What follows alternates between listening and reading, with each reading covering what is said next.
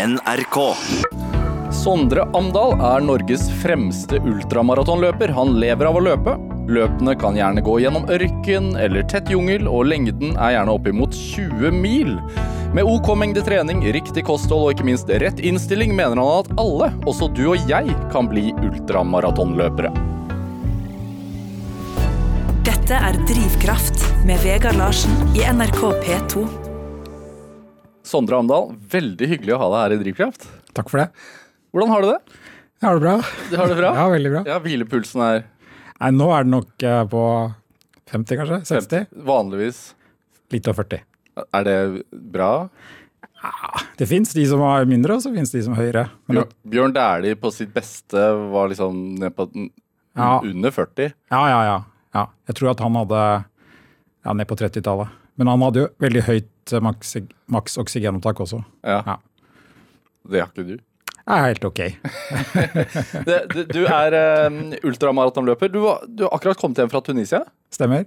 Uh, hva gjorde du der?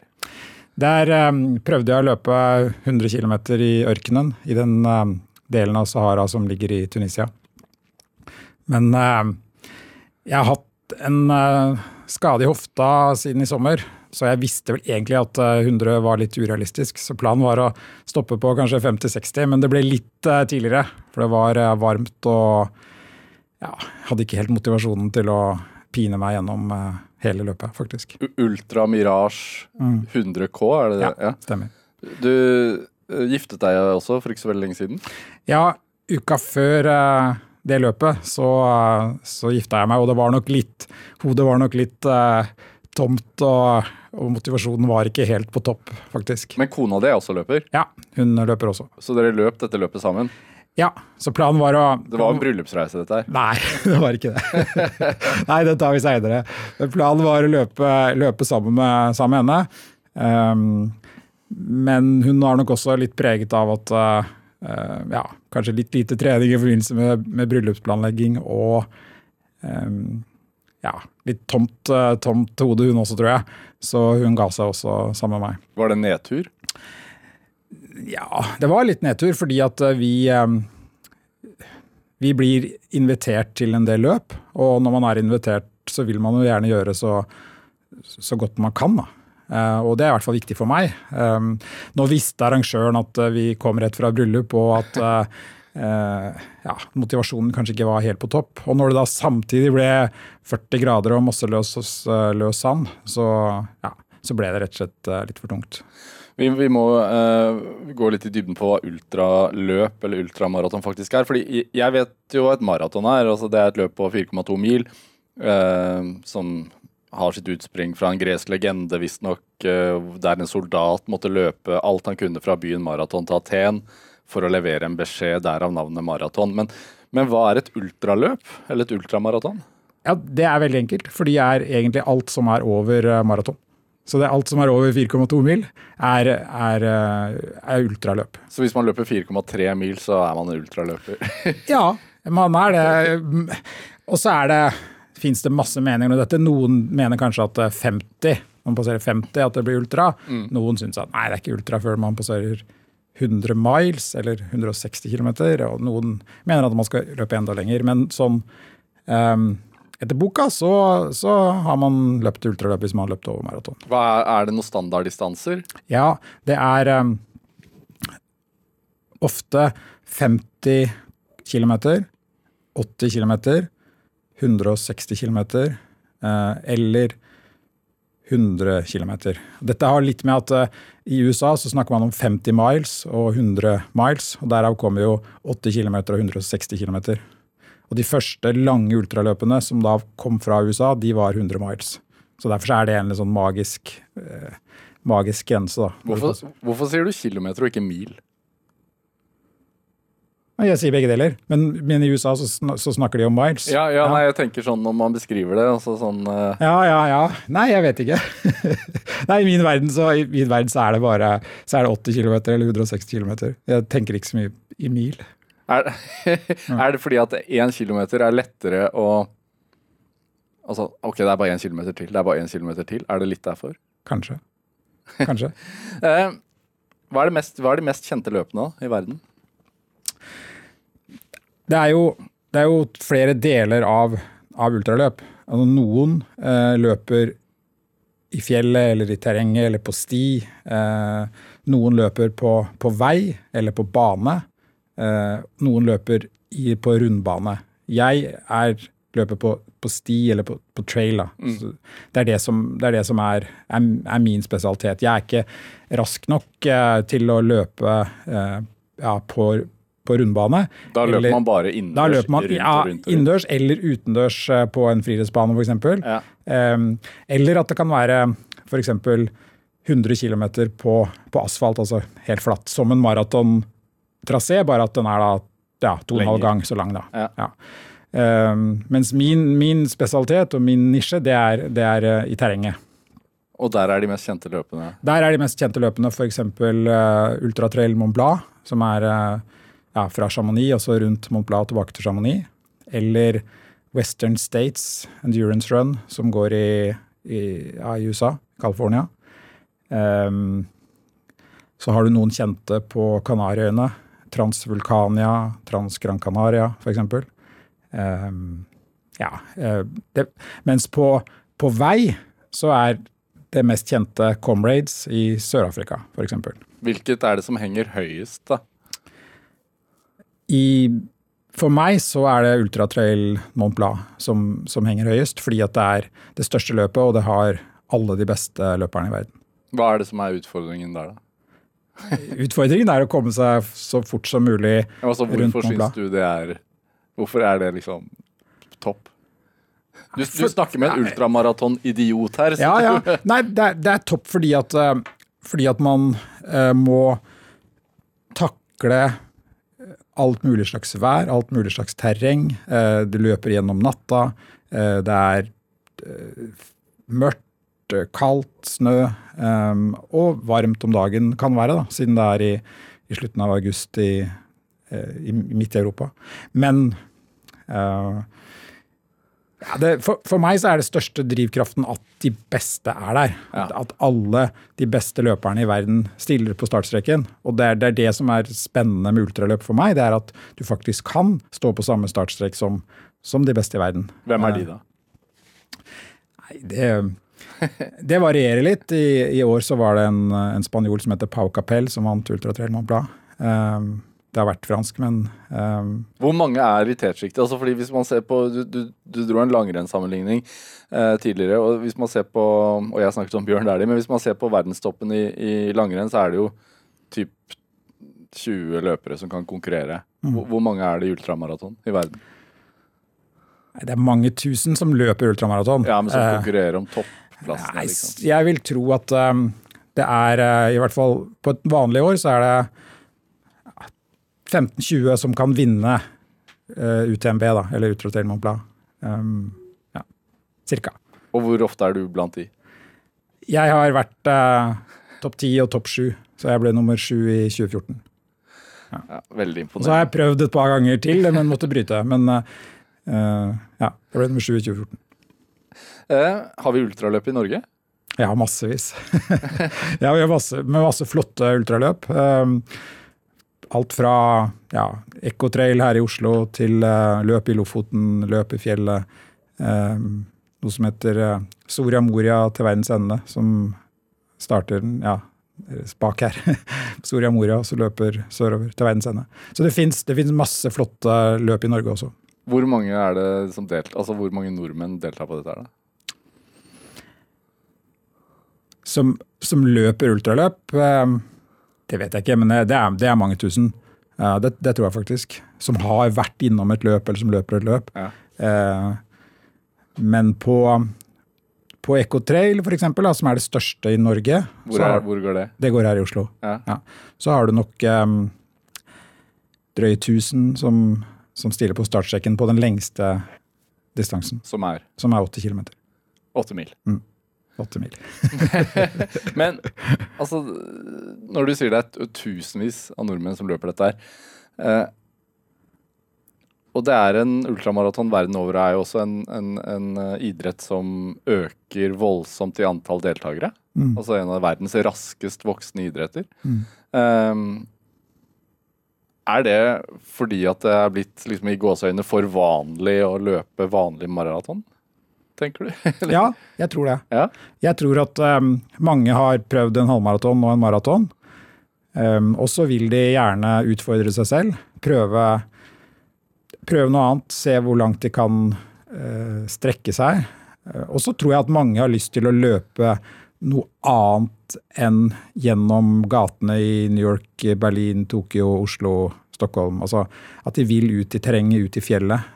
Uh, og at de, de trener ofte der. Og da tror jeg mange har lyst til å konkurrere der også.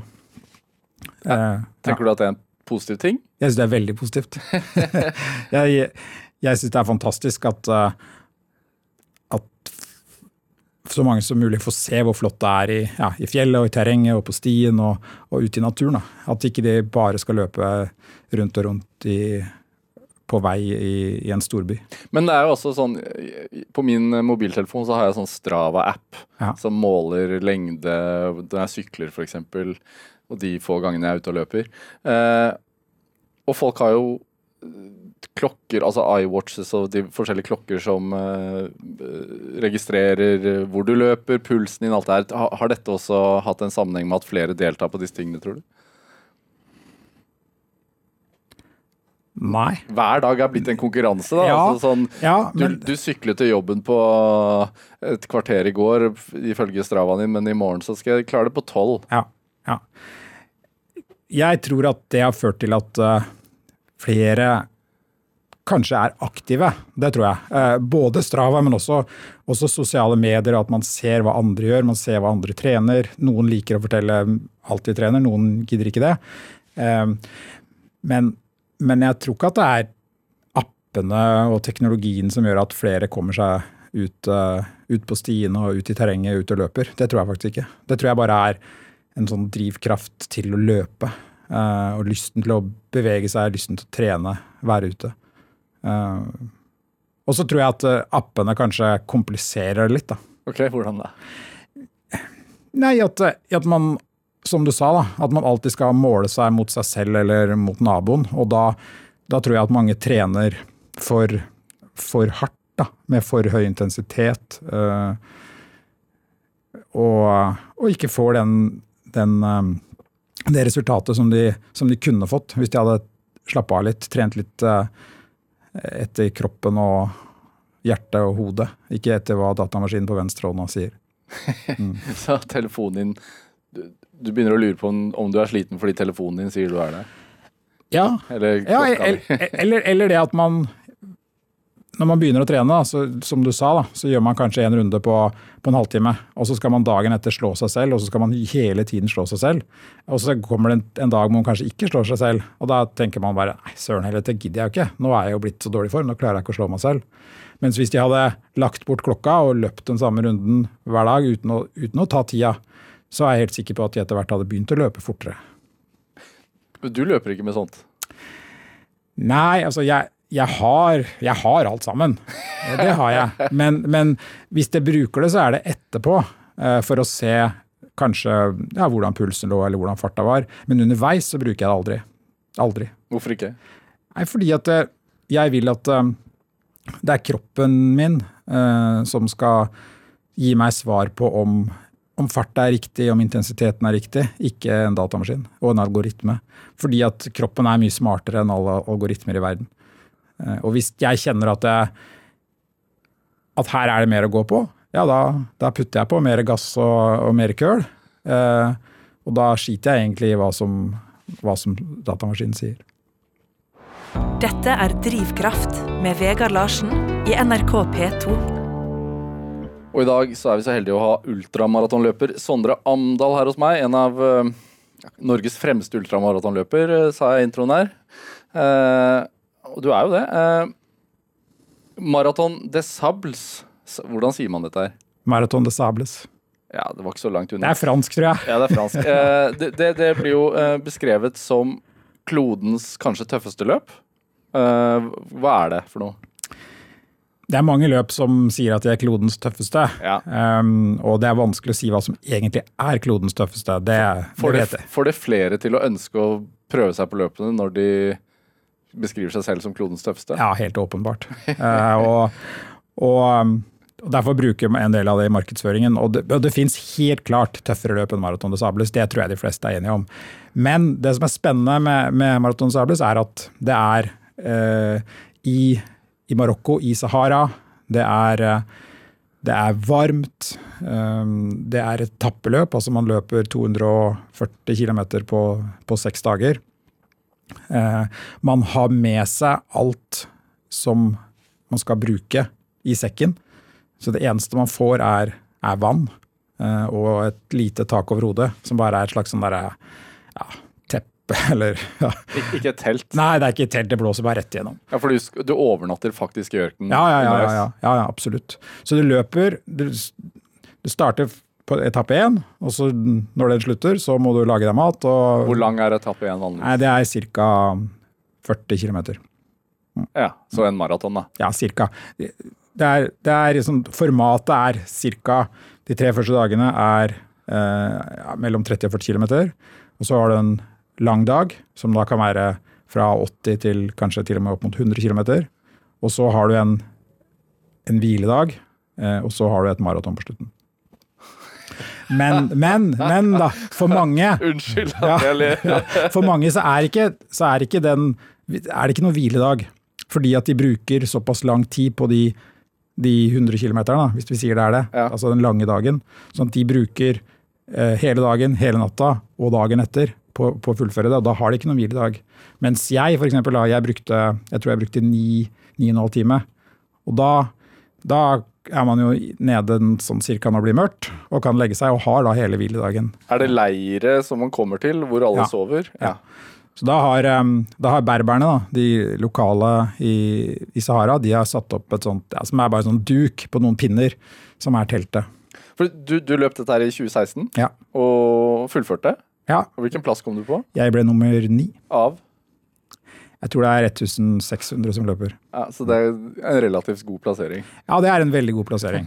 Um, det, er ikke så, det er ikke så mange fra, fra Europa som, uh, som er topp ti på Maraton de Sables, faktisk. Fordi at marokkanerne dominerer på hjemmebane.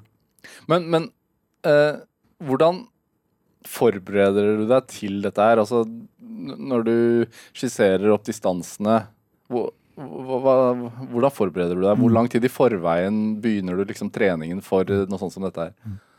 Nei, vi kan, vi kan ta Maraton de Sables for eksempel. Ja. der, der begynner treninga ca. et halvt år i forveien. Um, men grunnformen er jo der. ikke sant? Jeg har jo løpt 5000-7000 km i år i mange år. Så, Ja, så det, du- ikke, det blir ikke borte. Du løper ikke et halvmaraton, og så tenker du at At nå er jeg klar? Nei. nei det gjør man ikke. Nei. nei. Men, men um, så da sånn i, i oktober så cirka, så begynner treninga. Eh, og så, når man da eh, bor i, i Norge, så skaper jo det noen utfordringer i at det ikke er eh, så varmt, eh, det er ikke så mye sand, eh, etc. Eh, så da, da gjelder det jo å, å tilpasse forberedelsene etter det. Så det jeg gjorde, var å Jeg var i Sahara og trente i februar. Um, og løp veldig mye, f.eks. Hvor lange distanser løper du da? da? Nei, da løper du da løper du fire-fem mil om dagen um, på trening. I, I løpet av en uke, liksom? Ja. Hver dag? Ja, ja, ja absolutt. Ja, er, hvis, man skal, hvis man skal tåle å løpe eh, Maraton de Sables i april eh, med høy intensitet, så må man jo klare å, å løpe noen mil om dagen i februar. Det, det skulle bare mangle. Eh, så det er, ja ja. Og så, og så blir da treningen litt sånn spesifikk når, når, eh, når konkurransen nærmer seg. Og det betyr for meg da at jeg løper på asfalt, flatt, eh, fort. Eh, fordi at eh, det er relativt enkelt da, å løpe i, i Sahara. Eh, mens det jeg vanligvis gjør, er å løpe på sti og i fjellet og på kronglete terreng. Eh, Med, med masse bakker. Og da, da blir jo vinteren prega av det. Mens denne gangen, da, før Maraton de Sables, så ble det ja, mange raske halvmaraton, eh, treningsøkter. Eh, ja, 30 K på trening fort, f.eks. Men hvordan restituerer du deg, da? Under løpet eller i trening? Nei, Begge deler, tenker jeg på. Først også under trening, hvis du løper fire mil per dag. Ja, det er jo bare det vanlige. Det er søvn og mat. Hvile. Det er ikke noe mer hokus pokus enn det. Men er du da altså hvis jeg, For jeg bare tenker på meg selv. altså Hvis jeg hadde løpt uh, en maraton, så hadde jeg trengt en uke. Ja. Men, Minst. Ja, men det er jo dette som kjennetegner ultraløpere. da. Det er at, at de klarer å restituere eh, bra og fort. Og, og, det er forskjell på å løpe en maraton på maks intensitet eh, eller å løpe den samme distansen på, på treningsintensitet. da. Hvor mange kilometer i timen er din, hva er din gjennomsnittsfart? da? På trening? Ja. ja det kommer litt an på terrenget, men kanskje, kanskje på 10 km i timen f.eks. Eh, på trening. Og under eh, selve løpet? Under uh, Maraton Sable så tror jeg at gjennomsnittsfarten min var ca. 11 km i timen. Men legger du opp hele For det lurer jeg på når det er et sånt etappeløp da, som går over seks dager, mm. uh, med forskjellige lengder og sånn, legger du opp hele etappen i hodet på forhånd, og så har du en strategi? altså de første fire milene skal gå sånn og sånn? Og så. Mm. Nei, det som var veldig spennende i, uh, da jeg løp Maraton og Sables i 2016, det var at for det første så var jeg, var jeg i veldig god form. For 2016 var et bra år for deg? Ja, det var et bra år. Um, og, og, da å få løpe med, med marokkanerne på deres hjemmebane var, var, veldig, veldig gøy. Og det er fire-fem marokkanere som dominerer Maraton og Sables. Og um, Min strategi var egentlig bare å, å, løpe så fort jeg klarte, for å, få, for å, få, oppleve å løpe sammen med dem. Eh, og jeg visste at etter sånn halvveis på hver dag så kom jeg til å få det, eh, og falle litt bakover i feltet. Men jeg syns at, at, det var verdt det, fordi det, det var en kjempeopplevelse å få, å få løpe med eh, ja, de som er født i ørkenen. Er, er det Hvorfor gir det et tilleggs, en tilleggsdimensjon? Det er litt vanskelig å forklare, men de, men de, de det, det, det, er stort for meg å få se folk som er i sitt naturlige element. Eh, og, og ørken, er ikke, ørken er ikke bare sand eller bare sanddyner. Eller, det, er, det er forskjellig natur, det er, er uh, forskjellig underlag, det er forskjellig terreng. Uh, og de, de løper sammen, tre-fire sammen, og jobber som et team. og navigerer gjennom ørkenen sammen. Og det var det kjempe, kjempestort å, å, få oppleve. Og det er én som heter Rashid El Morabiti, som har vunnet Maraton de Sables nå sju ganger. Og, og, de andre de hjelper eh, Rashid, sånn at de løper liksom på flankene. Og så hjelper de han litt med å dirigere veien, sånn at han får raskeste vei gjennom ørkenen. Så de, blir, blir som et sykkellag? Ja, på en måte på en måte. Men hastigheten er jo ikke så høy som i sykkel, så det er ikke noe poeng å ligge etter hverandre. Eh, men, men de, hjelper, de, hjelper, å han å navigere eh, gjennom sanddynene. Og, og fordi, at, fordi, at, å løpe i, løpe i sanddyner, da, det er, det er, omtrent som å løpe i, i snø på vinterfjellet. Og det, og det, er fordi at vind påvirker sanden, og det gjør at noen steder er den hardpakka, noen steder er den vindblåst, noen steder er den løs. Eh, og da gjelder det å finne den, den veien gjennom sanddynene som er mest effektiv. Og den kjenner de?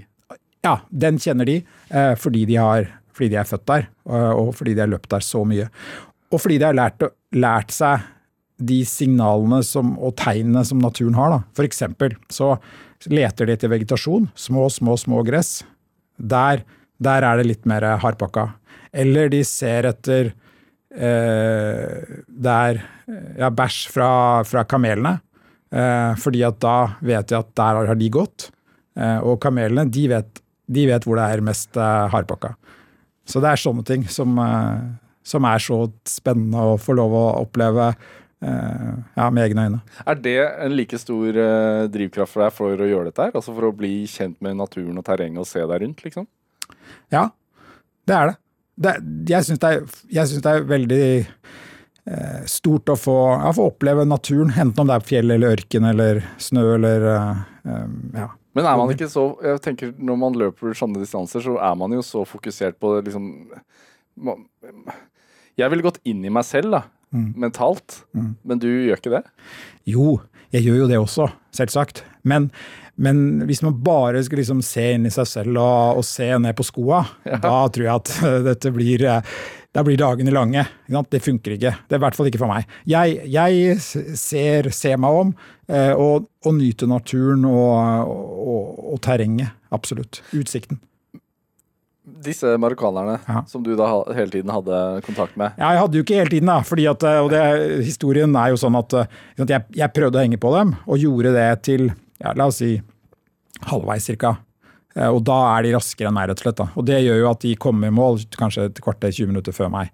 Eh, så det hadde vel sikkert vært en lurestrategi å løpe løp liksom saktere på slutten og, og ja, sett hvordan det går. Men det, ja, jeg syns det, det, var gøy å, å, å, henge med dem da, så lenge som mulig. Ble det liksom Off, der er han nordmann igjen? Nei, de visste vel at jeg kom til å dette litt, så jeg tror det gikk ganske bra. det, men, eh, men de, for å, for å liksom skissere litt av nivået her, da. Eh, den siste maratonen, som da er i sand, eh, den løper de jo på, på tre timer. Ja. Og dette er, folk som har, dette er folk som har vunnet New York og London maraton. Så det er, det, det er ordentlige karer. Ja det jo Altså, det, det, det, har jo fått et rykte på seg, altså dette, denne Marathon de Sables, fordi også i 94 så var det en italiensk løper, Mauro Prosperi, som, som pga. en sandstorm løp seg bort og var borte i, i, ni dager og ble funnet eh, etter ni dager 18 kilo lettere etter å ha overlevd på egen urin og, og spist flaggermuser. Har blitt laget en dokumentarfilm om han, blant annet. Altså, tenker du at når man hører sånne historier, da, sånn som Hanne Mauro Prosperi, som, som uh, etter dette her Han trodde han skulle dø, uh, har deltatt flere ganger uh, på nytt. Og så mm. tenker du at Jeg tenker i hvert fall at ultramaratonløpere må ha et sånn eget sånn overlevelsesinstinkt, eller Nei, jeg, jeg, klarer ikke helt å tenke på det sånn, faktisk. Um, fordi at så så tøft er det egentlig ikke.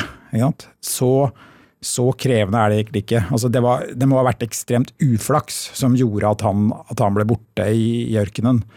Um, ja. Og, og det er all, all, respekt for at han klarte det og at han overlevde det, og sånt. Men, men risikoen for å bli borte under Marathon des Sables i dag, den eksisterer ikke. Fordi at du har GPS uh, eh, på deg og de kan måle akkurat hvor du er og se på skjermen sin hvor du er. Og hvis du, hvis du kommer noen hundre meter ut av sporet, så sender de en bil og sier at hei du, nå må du, ut, nå må du løpe til høyre eller til venstre igjen. Oh, ja. Så det er ikke så, eh, ja, så farlig. Men sandstorm er reelt. ikke sant? Det kan skje. Eh, og, og, det opplevde jeg på den første etappen av Baratonet Sables i 2016. Og da da er forholdene ekstremt krevende, og det er derfor du må kunne navigere. Det er derfor du må vite hva du driver med når du er, når du er i ørkenen. Det er ikke, det er ikke noe lek. Ikke du er helt alene? Ja, du er helt alene.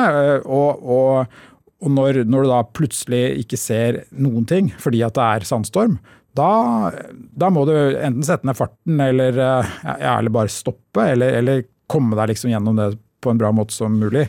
Øh, så, og det er klart, da gjelder det å dekke munn og nese og øyne og, sånt, da, så at ikke du ja. Men hva tenker du, fordi du er jo ute der i mange mange timer. Mm. Hva tenker du på underveis da? Nei, det kan være, det kan være så mye forskjellig. Uh, og det Ofte så er det så er det familie. Uh, tenker på barna, tenker på uh, hvor heldig jeg er som kan gjøre dette. Um, noen ganger så tenker jeg på hvor langt det er til neste matstasjon, eller neste gang for vann, eller, eller neste gang jeg ser et tre, eller Så det gjelder å liksom dele, dele det opp da, til, til uh, håndterbare biter. Uh, så det, det, kommer helt an på. Uh, det, som er, det som er farlig å tenke på, ikke farlig, men, men det som jeg har tatt meg selv i noen ganger, det er å veldig tidlig i et løp begynne å tenke at åh, nå ligger jeg på tredjeplass, nå blir jeg nummer tre, eller oi, nå ligger jeg i ledelsen, dette kommer jeg til å vinne. Det er farlig. Eh, for da plutselig så så når du da begynner å sige litt bakover i feltet, så kan det bli hardt å, å motivere seg. Du, jeg vet at uh, hver gang på, på uh, uh, Marathon des Sables, så når man står i ved startstreken mm. så spilles det alltid den samme låta, mm. uh, nemlig ACDCs 'Highway to Hell', mm. før dere skal begynne å løpe. Mm. Gi en pekepinn på hvor dere er på vei, da. ja. Eh, ja. det gjør det. Det er, det er et helt utrolig stemning å stå på startstreken på, på Marathon de Sables. Uh, hver eneste dag er helt rå. Og det Jeg håper at faktisk at, at flere kan, også fra Norge, kan få prøve det og, og en gang ta sjansen. Da. Hva er det som er så fantastisk med å stå der, da? det er jo 1600 da, som står midt ute i, i ørkenen i Sahara. Eh, og så kommer denne musikken, og, og, og det er høyt som, som tusen. Og så begynner man å løpe, og så kommer det helikoptre. Så har de helikoptre som da er Noe av det er rett sikkerhet, men en del av det også er bare for show og filming. Som flyr tett over, eh, og som liksom følger hver dag ut eller løperne hver dag ut i ørkenen. Og det er, eh, det er mektig eh, opplevelse. Alt man skal finne på. Jeg syns Ja, ja. vi skal høre på ACDC. Her er 'Highway to Hell'.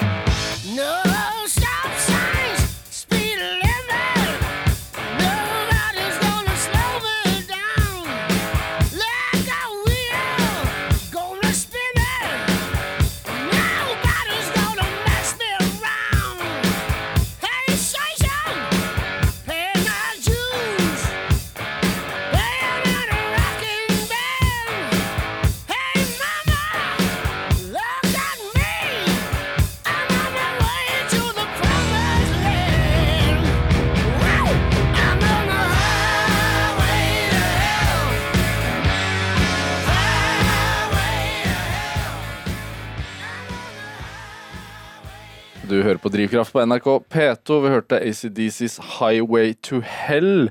I dag i Drivkraft så har vi ultramaratonløper Sondre Amdal her hos oss. eh, Og denne låta blir spilt på startstreken under løpet Maraton des Sables, et løp på 25 mil som går over seks dager gjennom Sahara-ørkenen. Og Sondre, du har jo deltatt på dette løpet. eh, Under låten også sa du jeg skal løpe det neste år i april. Ja, det stemmer. Ja. 35-årsjubileet i, eh, i april. Du og kona. Ja. sammen på startstreken. Jeg tenker jo at når du beskriver den gjengen som starter der på streken, også hvor mange var det? 1600? Ja. Eh, jeg tenker jo at den Det er en gjeng folk som er liksom høyt opp på Maslows behovspyramide, som starter der. Man har liksom man, man, man har oppnådd det meste da, hvis man velger å reise til Sahara og skal løpe 25 mil. Ja, ja, særlig fordi at prislappen er jo eh, 35 000-40 000 For norske kroner for å få lov å starte. Ja. Og det er klart at det, det gjør at eh, det er et eh, ja, Det er mange i 40-årskrisa som er på startstreken, som kanskje har, som har ja, hatt en bra karriere, gjort eh, hatt det bra, men som da ønsker å se at oi, søren, eller nå skal jeg virkelig teste meg selv. Da. Nå skal jeg prøve noe helt nytt. Nå skal jeg eh, se hvor, hvordan jeg kan takle Sahara. Og, de, og da melder man seg på det. Og hva føler Altså mister man da kontakten med den overflaten da underveis, da kanskje? Ja, og det, det er det jeg syns er så spennende med etappeløp, som f.eks. Marathon de Sables. Det er at du, du må legge bort telefon, kamera, eh, iPad, alt. Du er bare de tingene du har i ryggsekken eh, som, som teller, eh, og det å løpe. Og alt annet blir, blir helt sekundært. Og, jeg syns det er deilig å være helt sånn avkoblet da, i, i en uke. Uh, og da, og da jo da kommer man lenger og lenger ned på behovspyramiden igjen. For da handler det bare om å få mat og drikke og ja, søvn, tak over hodet. Uh, Det er det eneste det handler om. Tror du at det er grunnen til at flere og flere også driver med dette her? Ja, jeg tror det. Jeg tror at de har lyst til å oppleve det. Jeg tror at eh, vi lever i et samfunn hvor hele tida er kobla på, og det er dippedutter og data og, og sånt. Og da jeg, tror jeg at mange tester noe sånt som dette. Og så tror jeg at mange kommer ut som en annen versjon av seg selv eh, etter en uke i, i ørkenen. Og, og at mange kanskje tenker at alt som var viktig før, kanskje ikke er så viktig lenger. Kanskje ikke det var så viktig at eh, å ha den siste iPaden eller iPhone eller den raskeste Teslaen. eh, At det kanskje er kanskje andre ting som, som er viktigere. Har det skjedd med deg? Ja, til en viss grad. Det har det. Hvordan da? Nei, at jeg er ikke så opptatt av eh, ja, bil eller eh, og ting. Det som opptar meg, er å få, å få være sammen med dem som jeg setter pris på, og få, og få lov å løpe og drive med det. Formidle løping. I tillegg så kommer man vel ut av den turen altså Du sier at det kan skje noe med deg psykisk, eh, men man kommer vel ut i en litt annen fysisk forfatning også? Ja. Hvor mange kilo går man ned? Nei, det det- man, man må ha med seg 2000 kalorier. Reglene sier at man skal ha med 2000 kalorier. Eh, og det er klart at eh, hvis du løper en hel dag i Sahara, så forbrenner du mer enn 2000 kalorier. Hvor mye gikk Eh, du ned selv? Nei, en to-tre kilo. Ja. Eh, men da, da i en kropp som var veldig eh, trent allerede. Da. Nei, for du har ikke så mye å gå på.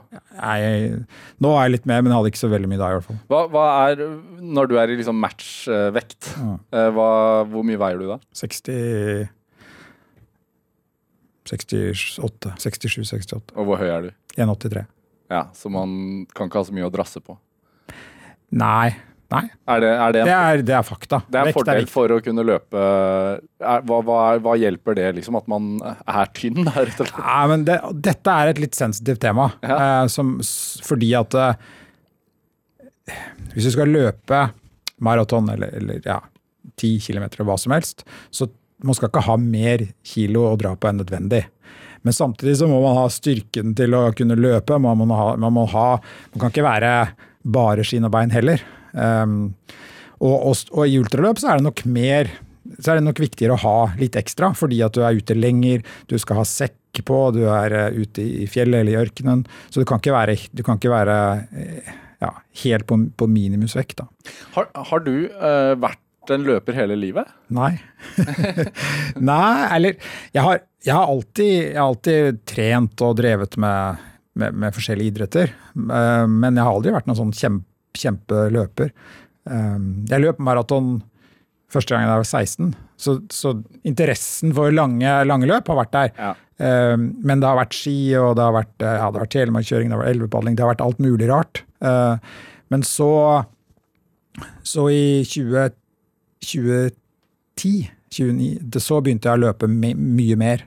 Eh, og da, og da, tok, da tok liksom løpingen av. Så er jeg egentlig i godt voksen alder. Hva, hva, hva, er, hvorfor, hvorfor trigget det noe i deg da? Jeg, som de fleste andre så, så øh, hadde jeg lyst til å bli i bedre form og hadde jobba hardt i mange år. Eh, og ja, hadde vel ikke noe sånn kjempemange kilo på mye, men hadde bare lyst til å bli i bedre form. Og visste jo hvordan den følelsen var, så jeg ville tilbake til det. Og da begynte jeg, da begynte jeg som mange, da, løpe maraton. Eh, og så løp jeg et maraton i 2010. eh, Og så løp jeg et maraton året etter, og da forbedra jeg meg med nesten en halvtime. Mm. Og da, da skjønte jeg at eh, her, her er det noe. Her er det et potensial. Hvor, hvor fort løp du da? Nei, det er en gjennomsnittstid egentlig, da, 2 2,40. Så det er jo ikke noe det er jo ingenting å, å skryte av, men, men for meg så er en forbedring fra, fra 2,10 til 2,40 ganske, ganske bra. Men Mm. ja, Fra 3.10 til 2.40? Ja, selvsagt. Ja. Uh, men, Jeg skulle gjerne kunne løpt maraton på 2,10. men, men tenkte du da at eh, nå klarer jeg ikke å forbedre meg mer, så da må jeg løpe ultramaraton, eller hva var det som Ja, kanskje. Ja. Uh, og ehm, fordi at, fordi at jeg ikke har drevet med dette hele livet, så, så er jeg er egentlig ikke noen sånn en født løper. Jeg er, jeg er en helt ok løper, men, eh, men jeg så at uh, ultraløp er fascinerende fordi det er så mange andre ting som også teller inn. Uh, som man må kunne beherske.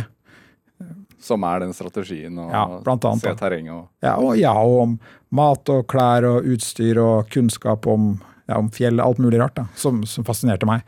Men, men eh, det- fremstår jo litt som om du ha, nærmest er blitt avhengig av dette her. Mm. Uh, og det er jo noe som uh, omtales som sånn runners high. Mm. Uh, hvordan opplever du det?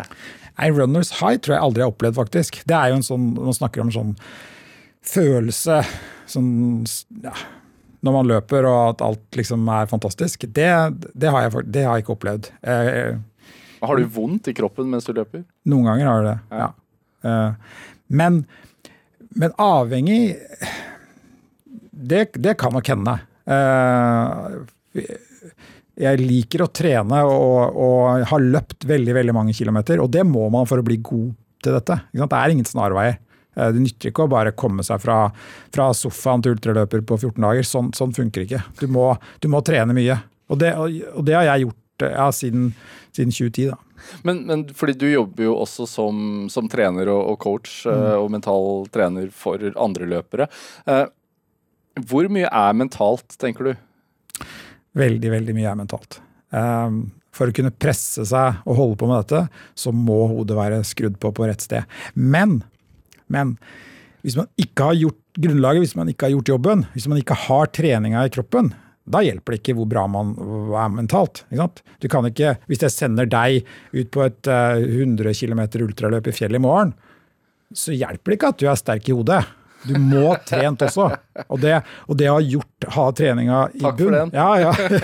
Men det å, det å ha treninga i bunn er helt, er helt avgjørende. Hvor lang tid skulle du hatt for å sendt meg ut dit, da? Jeg vet ikke så mye om deg, da, men jeg vil jo tro at eh, på, et, eh, på et år eller to så skulle jeg kunnet gjort veldig, veldig mye. Ja. Ja. Hm, interessant.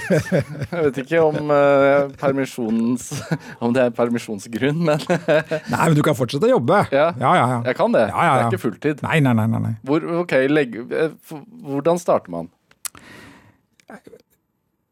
Eh, vi, La, la, la, oss, la oss si at du er en, en ok løper som, som kanskje har mak- som, har, som har løpt et maraton. halvmaraton, sier Ja, jeg. ok, ja, halv halvmaraton.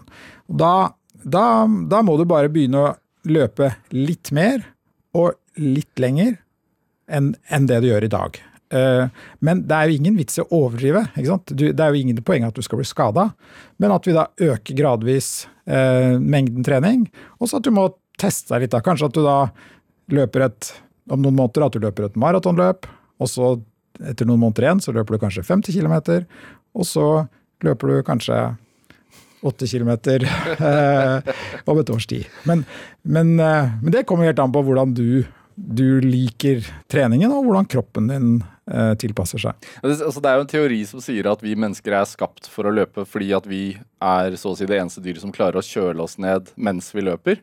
Eh, og at vi i riktig gamle dager, når vi skulle jakte og sånn, løp dyrene I i senk. senk Ja.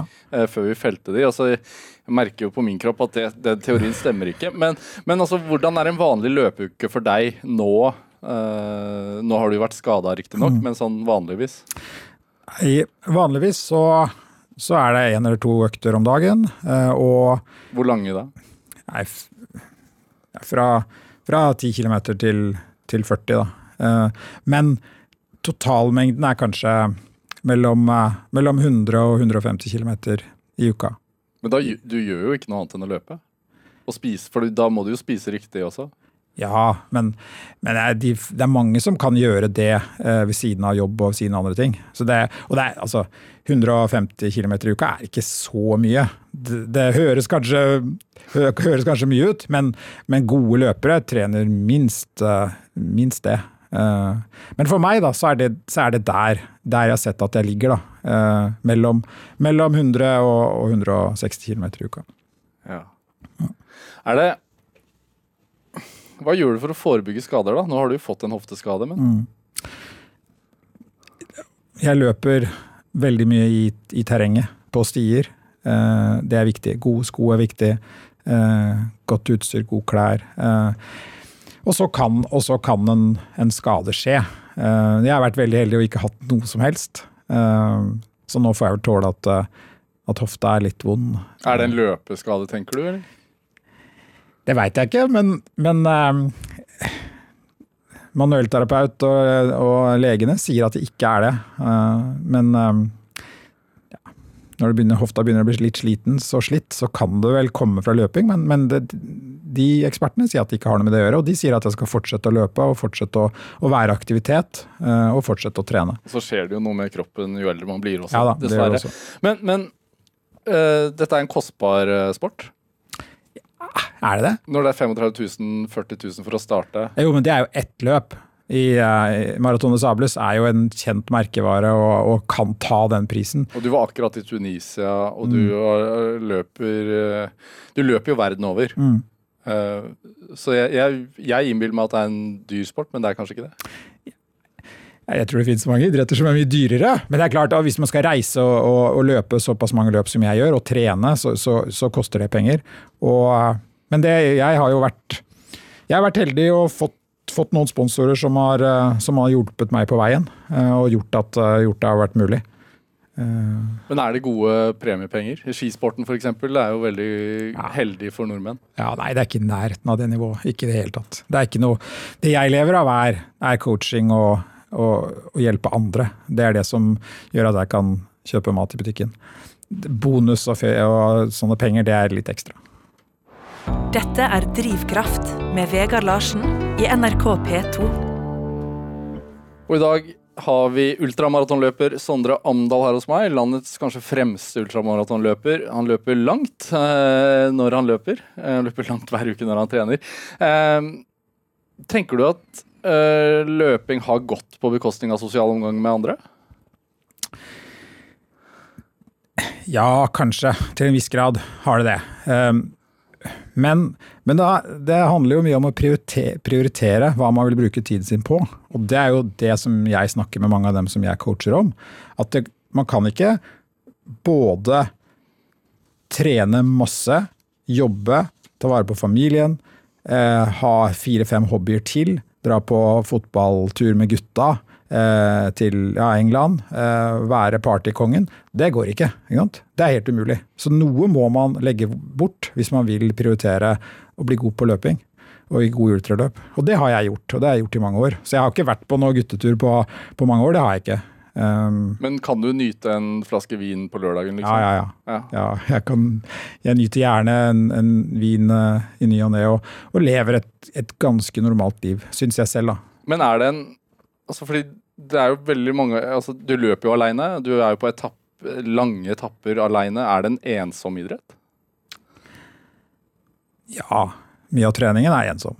Uh, og, og, og mye av Da, da ungene var mindre, eksempel, så, så gjorde, løp, jeg på, løp jeg på morgenen. Jobba hele dagen. Var sammen med familien og ungene. Og så var det ut på en ny tur klokka 10-11 eh, på kvelden til midnatt, f.eks. For, eksempel, for, å få- for å få gjort nok trening. Og hvis man gjør det ut, dag ut og dag inn, så sier det seg selv at man ikke har så mye tid til, til eh, ja, en ekstra hobby eller, eh, eller å henge med, henge med kompiser. Altså Det går på bekostning av liksom både vennskap og egentlig litt familie. da.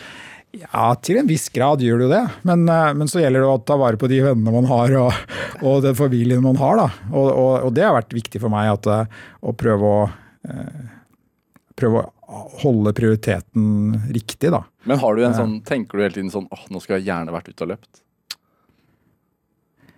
Ja, noen ganger gjør jeg det. Du bor i Trysil, har du tenkt å løpe hjem etter her? Nei, nei, men jeg har ganske mange, mange tusen løpeturer på, på fjellet i Trysil. Det har jeg. Ja. Ja. Bør man like å være litt aleine i sitt eget hode for å drive med dette her? Ja, helt klart. Det, man må like sitt eget selskap, man må like å være ute, man må like å, å trene. Og hvis man ikke liker det, da er det helt håpløst. For da, da kommer man ikke til å orke å, å legge ned timene som er nødvendig. Du må, du må like, Det høres sykt ut, men du må like å Klokka er kanskje ti. Eh, sette på deg hodelykta, joggeskoa, eh, Gore-Tex-jakka og ut, og kanskje det snør, regner, kanskje 15-20 minus. Det spiller ingen rolle.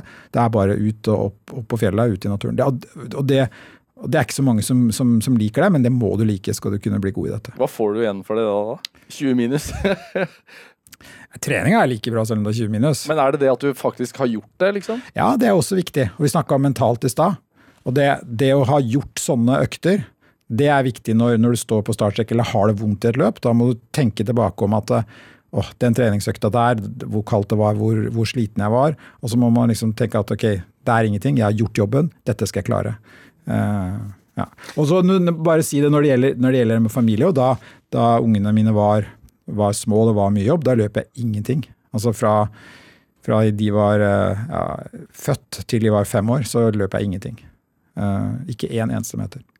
Hvor god kunne du vært i dag hvis du hadde gjort det? da? Det veit jeg ikke. Det, det blir bare Det er klart at det kunne kanskje vært Karrieren hadde sett annerledes ut, men samtidig så er jeg glad for at det jeg har gjort, og hvordan jeg har gjort det.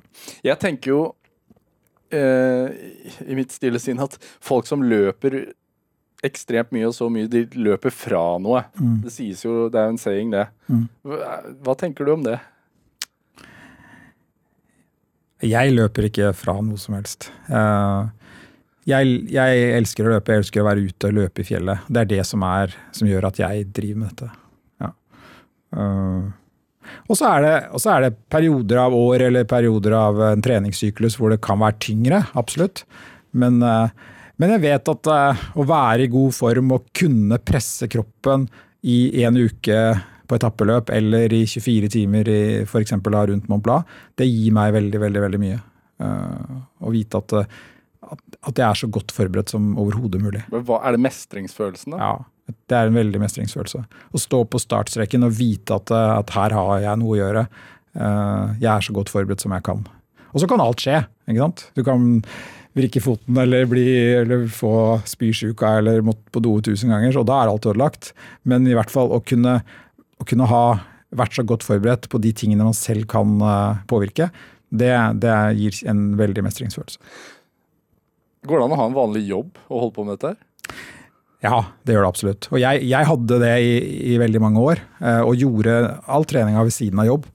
Eh, Fram til 2014 så hadde jeg helt vanlig jobb. Men Ja, så slutta jeg, slutta jeg i 20, sommeren 2014. Da slutta jeg i den, og så fikk eh, kona mi jobb på Gran Canaria, så da flytta vi til Gran Canaria. Og da, da tok løpinga fart. Det skal jeg si. Det skal jeg si, For da, var det, da kunne jeg leve som en toppidrettsutøver. For da jobbet du ikke. Ja, da jobba jeg ikke. Eh, og, og hun hadde jobba for en norsk skole, sånn at hun hadde norsk, norsk lønn. Og norsk lønn i Spania gjør at eh, jeg ikke trengte å, ikke trengte å jobbe. Så da leverte jeg ungene på, på skolen eh, på morgenen, og så løp jeg hele dagen og henta dem igjen på skolen etterpå. Ehm, jeg, jeg fikk, jeg, kona mi hjemme, hun er løper, hun elsker å løpe, eh, så jeg kjenner jo dette her på kroppen. Og hun spurte meg du må spørre om han har løpt Barkley maraton. Eh, hvorfor tror du hun er interessert i å høre om du har løpt det? Nei, fordi at Barkley Marathon har blitt en hype og fått, eh, fått en sånn legendestatus, bl.a. pga. en film som ble laget. Eh, og fordi at det er veldig mange, eller veldig få, unnskyld, som klarer å fullføre. 15 stykk. Ja, det er noe sånt. Som, jeg, har- som har fullført i, i løpets historie. Så er det bare sånn 15 som har fullført. Og mange år så er det jo ingen som fullfører i det hele tatt. Og det har nok gjort at mange vil prøve seg da, på dette ja, idiotløpet. da. Eh, Det er 15 000 høydemeter ja. og 20 mil. Ja, det er noe sånt, ja. Og så må man finne uh, Samle sider fra bøker som er lagt ut langs løypa. ja. Du skal ikke gjøre det? Nei, jeg har ingen, jeg har ingen uh, interesse av å løpe rundt i bushen uh, og tornekrattene i Tennessee. Uh, jeg, jeg blir ikke fascinert av det. Hva er målene dine fremover, da? Målet er å få en, få en bra, bra treningsvinter og høst, eh, og så løpe som sagt Maraton de Sables i april. Og så skal jeg løpe Jeg vet i hvert fall at jeg skal løpe to etappeløp til. Et på Azorene og, og et i Jordan eh, i oktober. Og så har jeg lyst til å løpe et løp i Alpene som heter Tour de Ja. som er eh, enda lenger. Hvor gammel er du nå? 47. Hvor lenge kan man holde på med dette? Jeg vet ikke. Nei, det er Marco Olmo fra Italia. Han vant uh, UTMB, eller ja, Ultra Trail Mont Blanc, i en alder av 58. Sånn at uh, jeg tror at jeg kan holde på noen år til. Så, sant, så sant jeg vil. og Så sant jeg orker å, å gjøre jobben. Eh, hvorfor tror du at vi mennesker har et sånn hang etter det ekstreme? Jeg tror at det ligger i, ligger, i oss. At vi, vil, eh, at vi vil teste oss. At vi vil eh, utfordre eh, elementene. Um, og så kan man gjøre det på, på mange måter, da. Mens for meg så har det vært å løpe ute lenge som har vært min måte. Og så gjør noen andre det ved å klatre i fjell eller spille golf eller bruke kokain. um, dette programmet heter jo Drivkraft. Jeg må spørre deg hva som driver deg. Ja. Det er, eh, det er lysten til å, til å løpe. Kjærligheten til å løpe. Det er det som driver meg. Mil etter mil. På, I terrenget, Ja. eller i fjellet. Ja. Du er heldig da som deler interessen med kona di. eh, Så dere kan løpe sammen. Forstår Forstå det sånn også at dere fant kjærligheten på løpestien. Ja, det stemmer. Um, Sondre Amdal, tusen takk for at du kom hit til Drivkraft og fortalte oss om løping. Takk for at jeg fikk komme. Eh, Er det, er det, skal du trene løpe i kveld? Ja, det skal jeg. Du skal det, få Ja. dette ut av systemet? Ja, ja nei, jeg løper hver dag. I morgen så kommer eh, kjernefysiker Sunniva Rose hit til meg. Eh, du kan høre flere samtaler i Drivkraft i NRK radio på nett og app. Send gjerne forslag til gjester jeg kan invitere til programmet. Send e-post til drivkraft at nrk.no.